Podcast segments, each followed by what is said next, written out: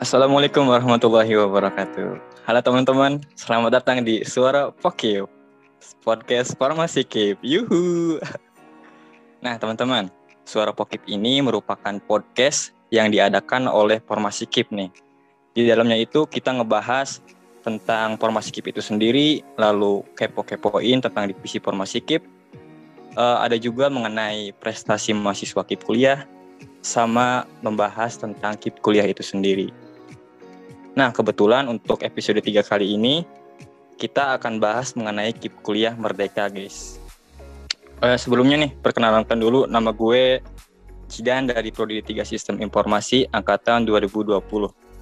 Di sini gue gak sendirian nih guys, tapi ditemenin sama temen gue, yaitu Ica. Halo Ica semua, kenalin nama aku Hotmeta Purba, biasa dipanggil Ica. Aku dari jurusan hukum, angkatan 2020 dari Fakultas Hukum. Salam kenal.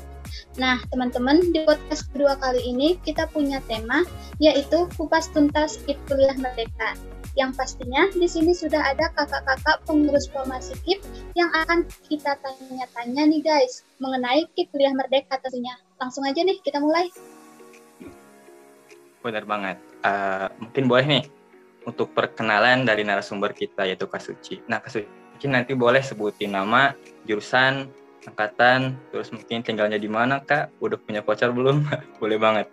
Oke waktu dan tempat kita persilahkan kak. Halo semua, uh, sebelumnya kenalin nama aku Suci, aku dari jurusan S1 Ekonomi Pembangunan uh, tahun angkatan 2019. Aku salah satu dari mahasiswa penerima bidik misi dan juga salah satu dari pengurus formasi KIP.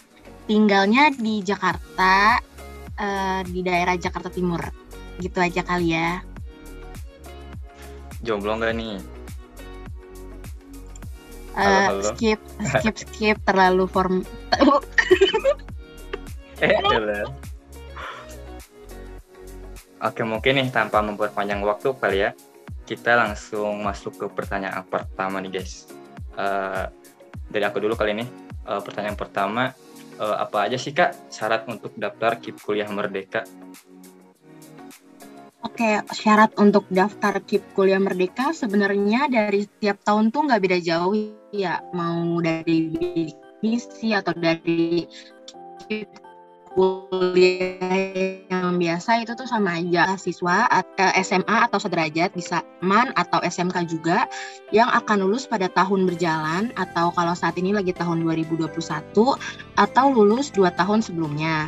Terus mm, mereka juga memiliki potensi akademik yang baik namun uh, memiliki keterbatasan ekonomi yang didukung uh, bukti-bukti dokumen yang sah.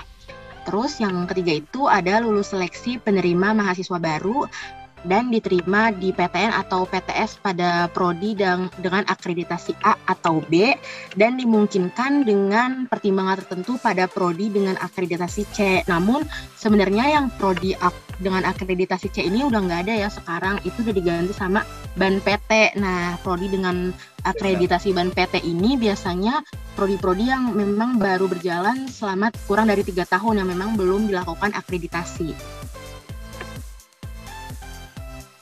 Oke, okay, jadi dari antara syarat-syarat yang kakak udah sebutin tadi nih kak, uh, apakah kalau kita mau daftar ke kuliah Merdeka ini dikenakan biaya apa tidak ya kak? Uh, enggak dong pastinya karena tujuan awal dari kita daftar KIP Kuliah Merdeka ini kan kita mau dapetin salah satu benefitnya yaitu mendapatkan bantuan hidup. Jadi nggak mungkin kalau kita pas mau daftar itu dipungut biaya. Jadi gratis ya kak? No pungut-pungut biaya. Gratis. Uh, maaf tadi kak, uh, KIP kuliah merdeka berarti ditujukan untuk siapa aja sih? Uh, ditujukan orang mampu. Ya, tentunya ditunjukkan untuk pertama itu untuk mahasiswa eh, untuk calon mahasiswa atau siswa SMA atau sederajat lah yang baru lulus tahun berjalan ini atau dua tahun sebelumnya. Jadi yang bisa itu um, siswa SMA tahun 2021 atau 2020 atau 2002, 2019. Jadi untuk tahun 2018 itu udah nggak bisa. Kayak gitu. Thank you.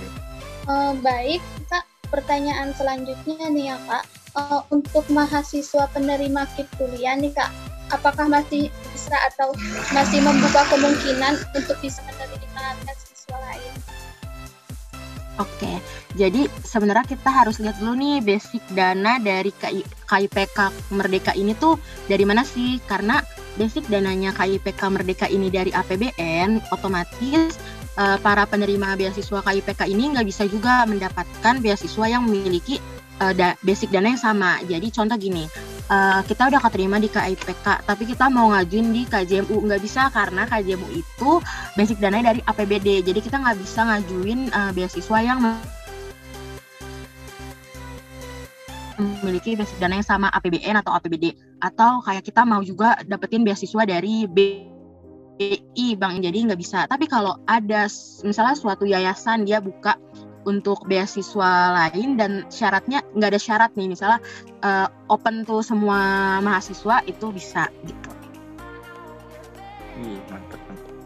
Tanya selanjutnya mungkin nih kak untuk tahapan penyaluran biaya KIP kuliah kayak uang saku gitu itu gimana sih kak per bulan atau gimana ya? Kalau tahapan penyalurannya itu kalau di UPN sendiri per semester ya per enam bulan gitu sih. Tapi itu sebenarnya tergantung dari kebijakan kali atau tiga bulan sekali kayak gitu. Oh, jadi ya, per enam bulan ya? Iya. Iya betul. Oke kita lanjut ya Kak untuk pertanyaan selanjutnya uh, untuk mahas untuk siswa yang ingin mendaftar tim kuliah nih uh, kayak kemarin-kemarin nih ada kayak menyiapkan kartu Indonesia Pintar sebelumnya atau KKS dan semacamnya. Nah kalau untuk siswa yang nggak mempunyai itu, apakah tetap bisa mendaftar apa enggak ya? Tetap bisa mendaftar karena uh, di di webnya itu atau di panduan pendaftaran KIP Kuliah Merdeka itu emang dijelasin ada beberapa kriteria yang boleh mendaftar. Uh, kalau nggak salah ada lima. Yang pertama itu orang yang punya eh, KIP, Kartu Indonesia Pintar, terus mereka juga punya program Keluarga Harapan atau PKH, terus mereka juga pemegang Kartu Keluarga Sejahtera atau KKS, dan mereka uh, asalnya dari panti sosial atau panti asuhan, dan juga mahasiswa dari keluarga yang masuk dalam desil kurang atau sama dengan kategori 4 pada data terpadu kesejahteraan sosial atau DTKS. Nah, kalau misalnya uh, ada orang yang tidak termasuk dalam lima kriteria tersebut, tapi mau mengajukan KIP, itu tetap bisa uh, dengan syarat uh, dengan syarat beberapa ketentuan ekonomi ya tentunya uh, yang dibuktikan dengan pendapatan kotor gabungan orang tuanya atau ayah ibunya atau walinya itu paling banyak 4 juta. Jadi pendapatan kotornya itu sebelum buat bayar listrik misalnya kayak gitu. Atau bisa juga di atas 4 juta namun harus dibagi dengan uh, jumlah anggota keluarga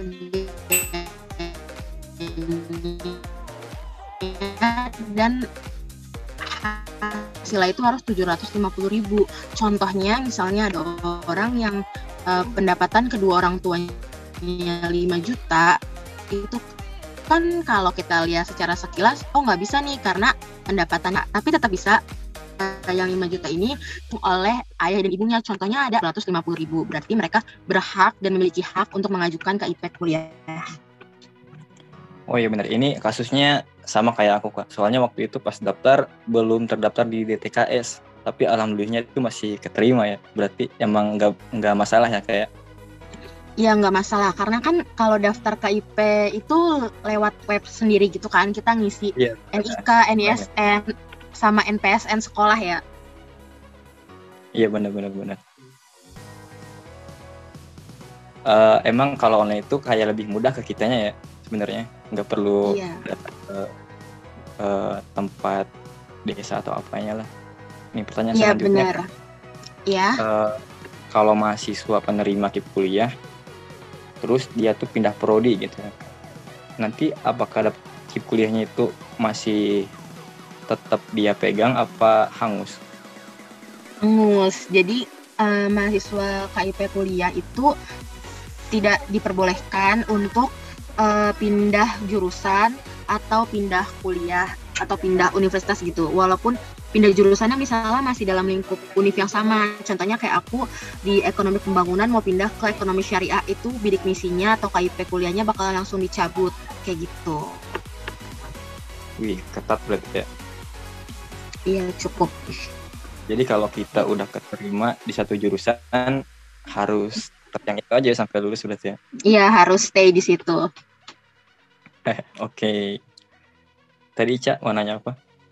Ini nih Kak, terkait tentang masalah KIP kuliah yang bisa dicabut. Tadi kan salah satunya itu kalau kita pindah prodi atau pindah universitas. Nah, selain itu apakah ada hal-hal lain yang bisa membuat KIP kuliah kita itu dicabut gitu Kak? Uh, ada. Ada beberapa contohnya. Contohnya tuh di setiap univ pasti mereka uh, mempunyai batasan-batasan atau standar untuk minimal IPK yang harus didapatkan oleh mahasiswa KIP kuliah tersendiri. Misalnya kayak di UPN itu kalau nggak salah kalau belum diupdate juga itu 3,25. Jadi misalnya dalam kurun waktu atau dalam beberapa kali kita mendapatkan uh, eh, IPK di bawah 3,25 itu uh, universitas bisa aja untuk uh, bilang nih ke Belmawa kalau dicabut aja bidik misinya atau dicabut dicabut aja KIP kuliahnya. Terus selain itu juga uh, bisa juga dicabut uh, jika ada suatu kondisi mereka ternyata memanipulasi keadaannya dan ada orang yang melaporkan ke Belmawa itu karena ada juga kolom untuk melaporkannya gitu. Misalnya uh, aku nih punya mobil tapi waktu pendaftaran aku bilang nggak punya mobil. Otomatis kan harusnya aku nggak dapat dong karena itu bukan hakku kayak gitu. Terus bisa juga nih uh, kalau si mahasiswa ini melakukan pernikahan pada saat masih menjadi mahasiswa nih. Jadi ya bidik misinya dicabut karena mereka kan udah harusnya udah bisa menafkahi seseorang atau sudah bisa dinafkahi oleh seseorang ya kayak gitu Ca, tahan Ca, jangan dulu Ca Boleh nikah dulu ya berarti ya?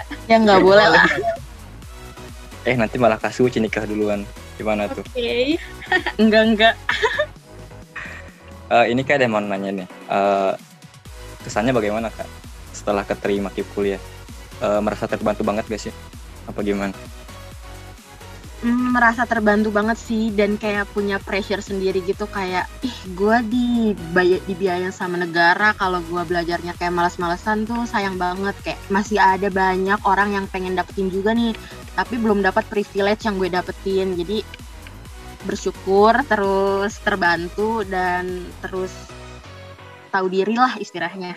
Kayak gitu. Oke, jadi emang uh, iya sih. Merasa bersyukur banget ya.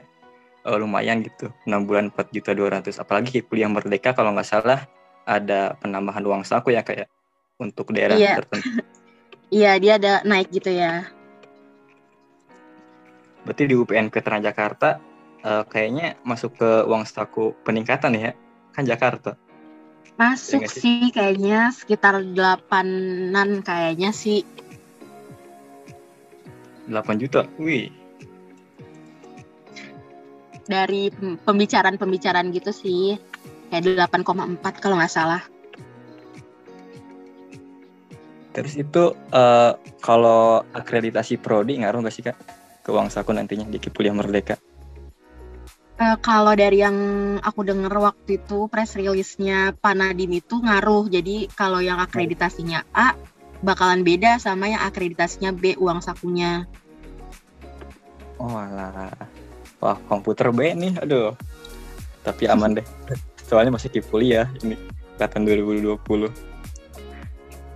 iya masih 4,2 ya iya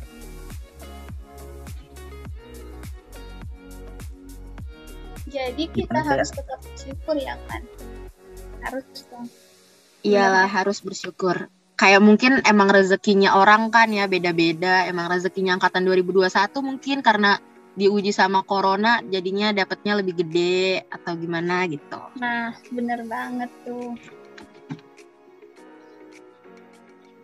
Terakhir mungkin yang terakhir uh, meminta sarannya nih kak, saran sama semangat mungkin buat calon mahasiswa yang ingin melanjutkan ke perguruan tinggi, terutama yang mau daftar kuliah nih. Apa aja tipsnya sih? tipsnya uh, yang penting tuh sering-sering update informasi di websitenya sekarang tuh website Kemendikbud udah bagus banget ya. Mereka tuh kayak terorganisir gitu yang buat uh, kuliah merdeka ada website sendiri, yang buat KIP kuliah juga ada website sendiri. Jadi kita bisa update informasi-informasi di situ langsung kayak gitu. Pokoknya jangan capek-capek buat nyari info sih sebenarnya karena kalau ketinggalan sekali terus kayak langsung udah tutup gitu pendaftarannya ya udah nyeselnya mah lama gitu. Pokoknya sering-sering update info. Gak boleh males ya. Mm-mm, atau enggak bisa tuh follow akun-akun forum mahasiswa bidik misi atau KIP kuliah juga mereka kan juga suka update-update info tuh. Contohnya kayak formasi ke UPN Veteran Jakarta mereka suka update-update juga tuh info-infonya di IG-nya mereka. Formasi KIP UPN Veteran Jakarta berarti ya ada ya? Itu di situ lengkap ya? Suka lengkap update dong. Wih, iya.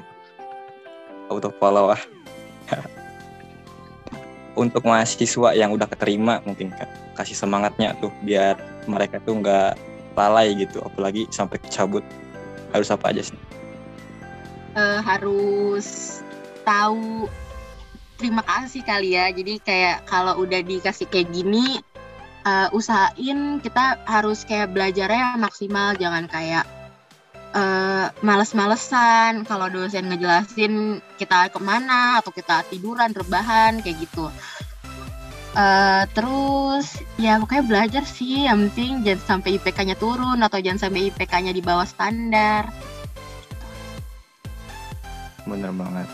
Jadi emang eh, nggak boleh malas-malasan ya karena kita tuh termasuk mahasiswa pilihan kehitungnya ya. Emang- betul. mahasiswa menerima KIP kuliah kayaknya pinter-pinter deh. Nikah suci nih. Kayaknya bagus pasti? Amin. Eh jangan disebut lah. Malu. Eh nggak apa lah Eh, aku 3,86.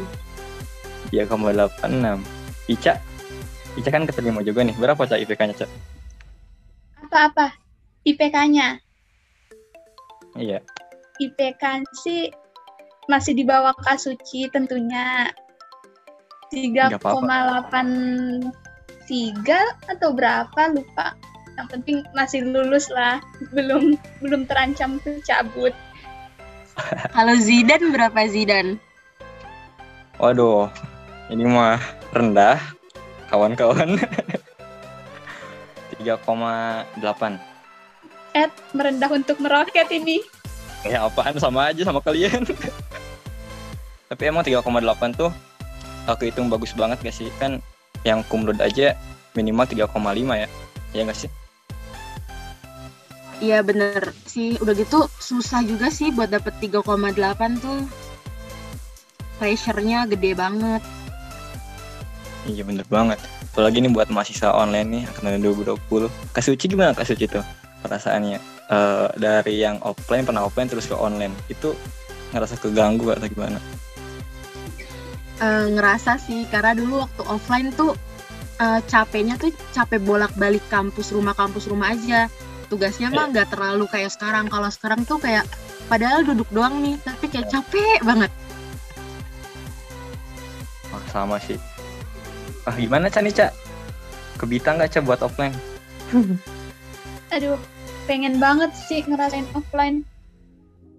capek mental tuh kata Bang Haris Enggak bisa semangat. nggak bisa Pokoknya Bang Haris Ica pengen ketemu Bang Haris ini mah. Bang Haris gimana? Mungkin ada pertanyaan kan nggak apa-apa nih on cam. Atau skip?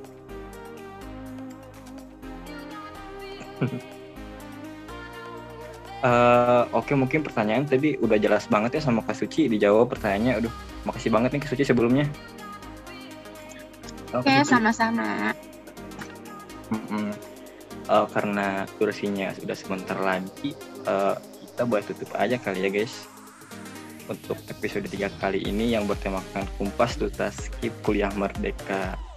Dan sekali lagi terima kasih banyak buat rekan gue Ica sama narasumber kita hari ini Kak Suci yang kece banget wah tadi jawabannya udah lengkap banget nih makasih banget makasih Ica sama makasih Kak Suci semoga kita bisa berbincang lagi di lain waktu nih semoga aja offline ya berbincangnya ya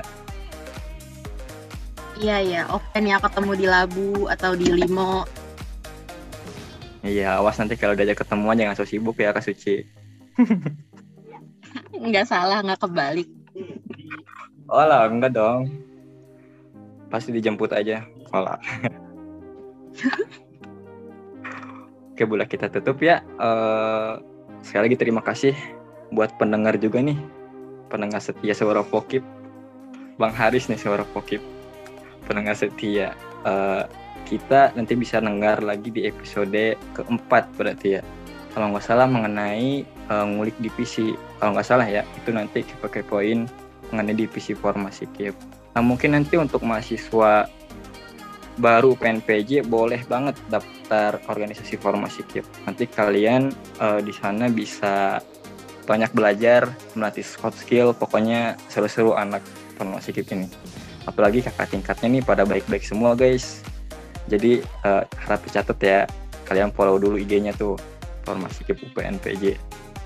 Eh, mungkin cukup sekian nih dari aku, dari Ica. Apa ada saran lain atau apa pesan? Oke, makasih Kak Suci, makasih Jidan buat waktunya. Dan juga kami ucapkan terima kasih kepada pendengar setia kami. Uh, Oke, mungkin uh, gue tutup aja nih. Uh, wabillahi taufiq wal hidayah. Wassalamualaikum warahmatullahi wabarakatuh.